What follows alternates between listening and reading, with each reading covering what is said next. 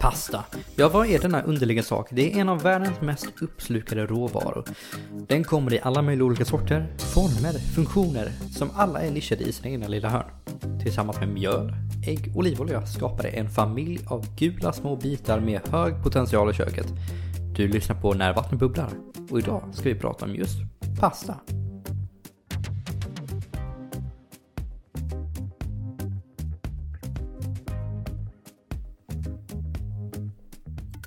Ja, det är länge känt att pasta har ätits i tusentals år och efter tydliga källor, eh, Arlas hemsida, så har jag gjort ett djupdyk i ursprunget i pastan. Eh, det finns så att säga faktiskt att eh, Kina var först med att tillverka pasta, ja, eller nudlar då som man kanske skulle kalla det då. Eh, och att det är en viss person som heter namn Marco Polo eh, som tog sig med sig sina kunskaper till Italien eh, året eh, 1294. Eh, ja, om detta hade varit sant då, då hade det varit en katastrof för Italiens självkänsla och identitet. Tänk på vad som skulle hända om pastan faktiskt är kinesisk. Det hade varit kalibalik alltså. Man går till en kinesisk restaurang och säger ja, jag vill ha lite pasta al pomodoro, vilket är pasta med tomatsås i och för sig. Eh, kinesen hade liksom i så fall fällt en tår och uttryckt Äntligen är sanningen allmän kunskap kanske lite mer kinesisk dialekt i och för sig. Eh, ja, det, det, hade ju varit sant då om man inte kom på att eh, en upptäckare från Marocko lärde sig laga pasta ungefär 200 år innan i den italienska eh, regionen Sicilien. Vilket typ eh, tåområde eh, om man eh, kollar på liksom, Italien ovanifrån Eh, Eh, faktiskt eh, så är det samma form oavsett om man anser att jorden är platt eller rund, vilket är positivt i och för sig. Nu när vi har ett djup och ingående grund i varifrån pastan kommer så kan det finnas vara bra att faktiskt veta vad det egentligen är. Eh, jo, eh, pasta, det är en blandning av mjöl, vatten och ägg. Eh, så långt vet vi. Vissa anser i och för sig att eh, vattnet ska bort och att olivolja ska med, så att det, det är väl inte det, det är rätt diskuterbart det här med pasta. Eh, man, man kan ju också skippa att liksom ha i olivolja om man så vill. Eh, och man kan ha i salt också. Det, det är ganska flytande recept det här pasta. Eh, men det brukar säga att i italiensk mat så har man inte så många råvaror. Men det är däremot viktigt att ha bra sådana. Eh, så det är därför folk faktiskt är villiga med att köpa en tomatburk för 40 spänn. Eh, för att det smakar otroligt superbra till exempel på pizza. Oavsett, i pasta brukar man ha durumvetemjöl. Och det är ju för att eh, det är ett av mjölen som helt enkelt skapar långa och härliga glutentrådar. Ja, nu, nu säger vi sorry till alla personer med gluten. Eller ja, kanske inte sorry, det finns ju glutenfri pasta också så ni kan ju laga. Men eh, sorry ändå. Glutentrådarna, det är superhärliga och är mycket behändiga eftersom det gör att pastan håller ihop. Ja, det är ju väldigt enkelt eh, när man vill kavla ut det och göra spaghetti. Så underlättar det ju något fruktansvärt att kunna ha det att hålla emot. Så durumvetemjöl är bra. Ja, finns det något med äggen? Jo, men generellt är det ju bra att ha ägg från frigående höns. Eh, men annars så finns det ju inte jättemycket annat att tänka på. Eh, Frigående höns är ju inte jättemycket bättre heller förutom att typ hållbarheten och att storleken är lite större så man får mer ägg. Eh, så ja, det, det är väl inte himla mycket med det egentligen.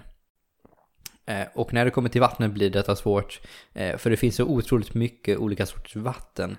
Det finns vatten från kranen, det är vatten från flaskor, bubbelvatten finns också. Om man är riktigt så här kemist så kan man också ta destillerat vatten. Det är ett stort val och det är svårt. Eh, personligen så skulle jag ju starkt rekommendera att använda fjällvatten. Eh, just för att man kan skryta väldigt mycket till sina kompisar att man har börjat några extra kilo i fjällen bara för att sen göra pasta av det vattnet. Alla ens vänner kommer se en som ett intellekt av en annan karaktär om man gör så.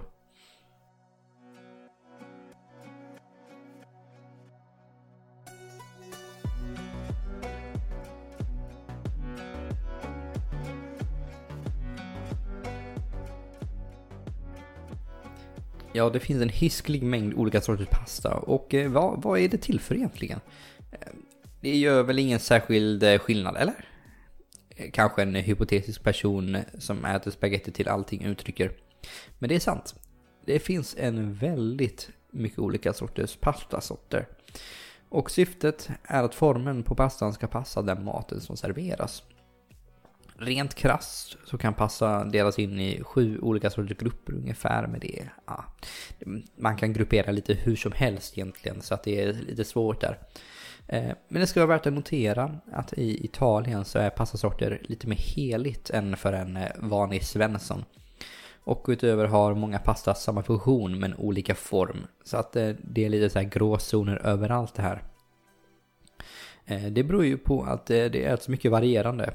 Och eh, man äter varierande också vilken region man befinner sig i. Eh, så vad som kan vara fel hos den ena kan vara rätt hos den andra.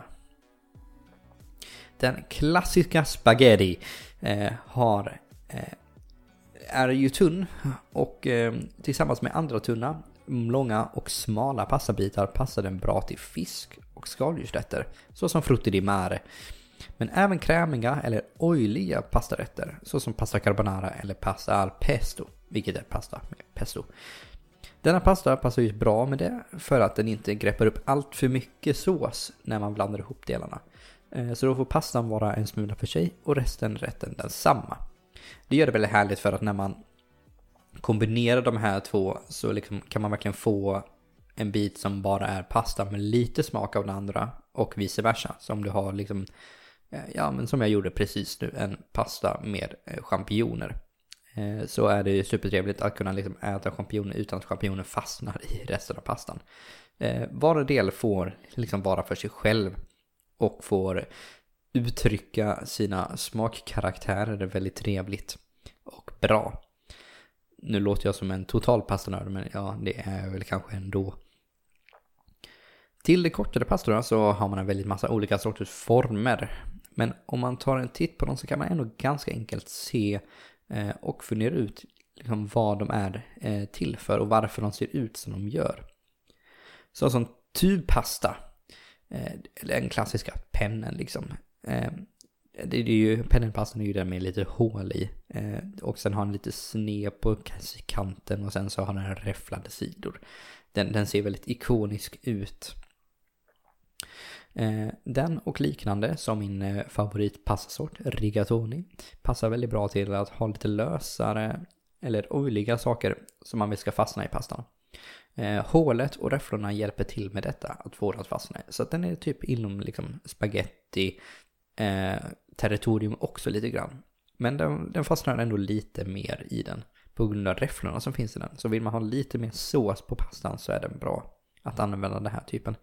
Det finns ju den stora eh, tubpastan också med cannelloni där stoppar man in massa saker i dem för att eh, sen kunna stoppa i ugnen till exempel. Eh, och rigat, eh, förlåt, cannelloni kan man också göra på till exempel lasagneplattor. Eh, som man tar och rullar ihop. Det är lite svårare dock i och för sig. Ja, och sedan finns det ju skruvad pasta, såsom fusilli. Denna pastan är perfekt för alla sorters såser. Ja, verkligen, alltså vad som helst egentligen. Oavsett om den är tjock eller tunn så fastnar allt i fusilli. Eh, fusilli eh, som man kanske inte vet är eh, den skruvade pastan, alltså standardpastan. Den som alla tänker på när man säger pasta. Förutom om någon säger spaghetti. Men ja, eh, spaghetti och fusilli det är liksom de två huvudpastorna som man brukar köpa. Eh, snäckformade pastor kommer i lite olika storlekar. Men den stora öppningen gör att eh, mycket sås kommer in i dem. Ja, det är ju trevligt också med sås. Så det här är ju praktiskt då om man till exempel har mycket tomatsås som man vill få fram mycket av det smaken och kombinera de här två. Eh, så är till exempel snäckformade sådana här stora pastor, då, då är det riktigt bra. Eller en köttfärssås också för den delen. Eh, minipasta eh, som heter liksom risoni. Eh, ja, den, den, ser ju ut som ett riskorn och därför heter den risoni. Eh, men även macaroni, den som passar väldigt bra att ha i soppor. Macaroni ser ut som en makaron fast ännu lite mindre. Eh, för att få in sås i detta måste man ha väldigt tunna såser. Alltså typ stuvade makaroner, alltså nästan vattniga. Eh, stuvade makaroner är ju för sig inte så italienskt i och för sig, men det, det förmedlar poängen bra ändå tycker jag. Eh, den sista sorten jag tänkte prata om är pasta som inte ens är gjord på pasta utan potatis och kallas gnocchi. men stavas med G-N-O-C-C-H-I eh, och är utmärkt när man vill ha en maximal krämighet. Så om man vill ha till exempel eh, pestorätt som bara smälter i munnen så är detta den pastan man ska ta. Det finns också lasagneplattor som bara är eh, egentligen den lata personens pasta. För att där behöver man inte göra något annat i maskinen Eh, än att bara kavla ut det. Eh, och ja, lasagne skulle jag gissa att eh, man känner till vad som händer med den. Den blir tillagad i ugn mellan köttfärs och bechamelsås och blir ultragott också.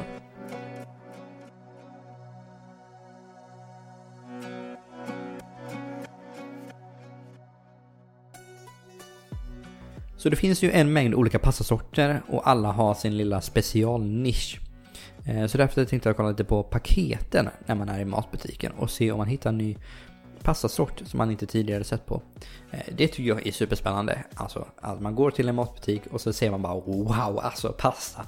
Ja, jag vet inte hur många andra som följer mig i det spåret men alltså när man kommer till en butik och ser att de har lagt till en ny pastasort, ja då frödar livet för mig helt enkelt ja, gå butiken.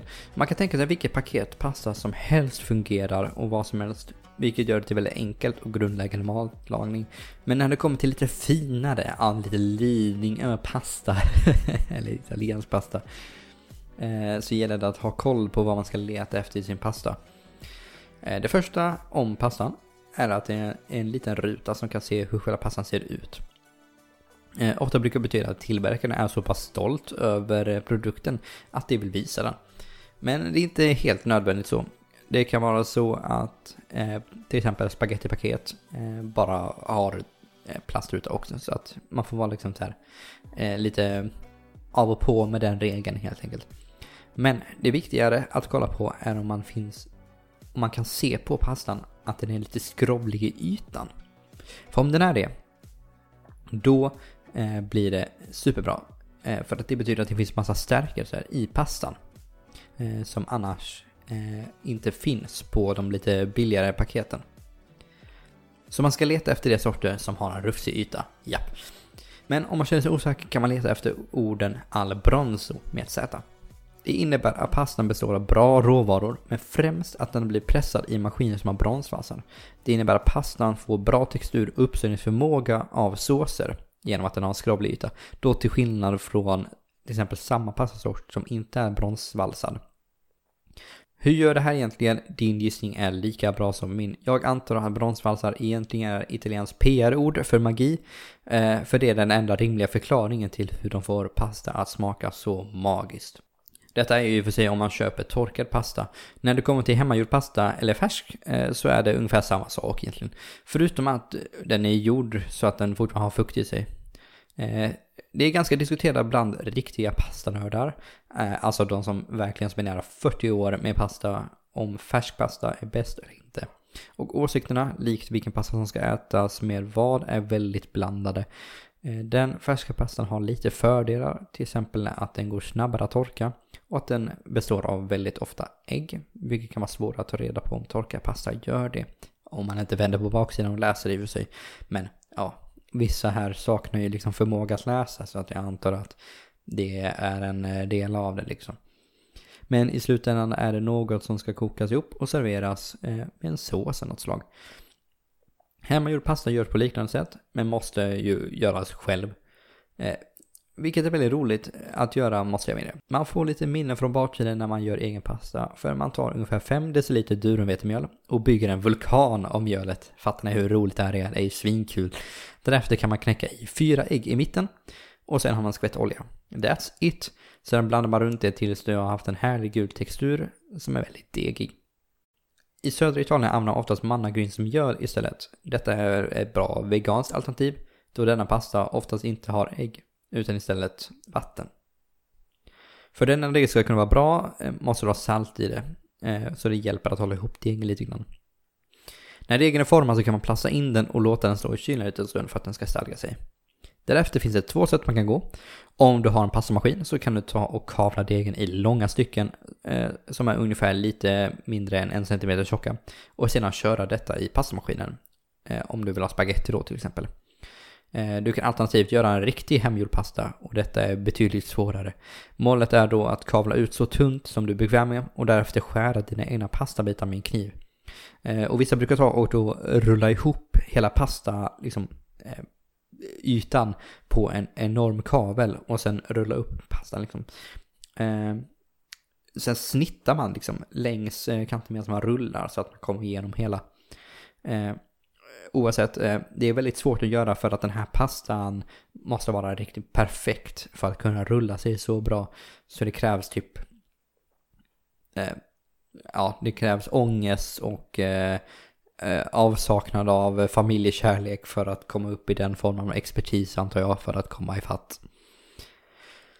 Eh, oavsett så kan det vara bra att ha vatten uppvärmt eh, och redo med en ganska generös mängd salt i. Det ska smaka ungefär som havsvatten. Okej, så nu har du valt vilken rätt som ska göras.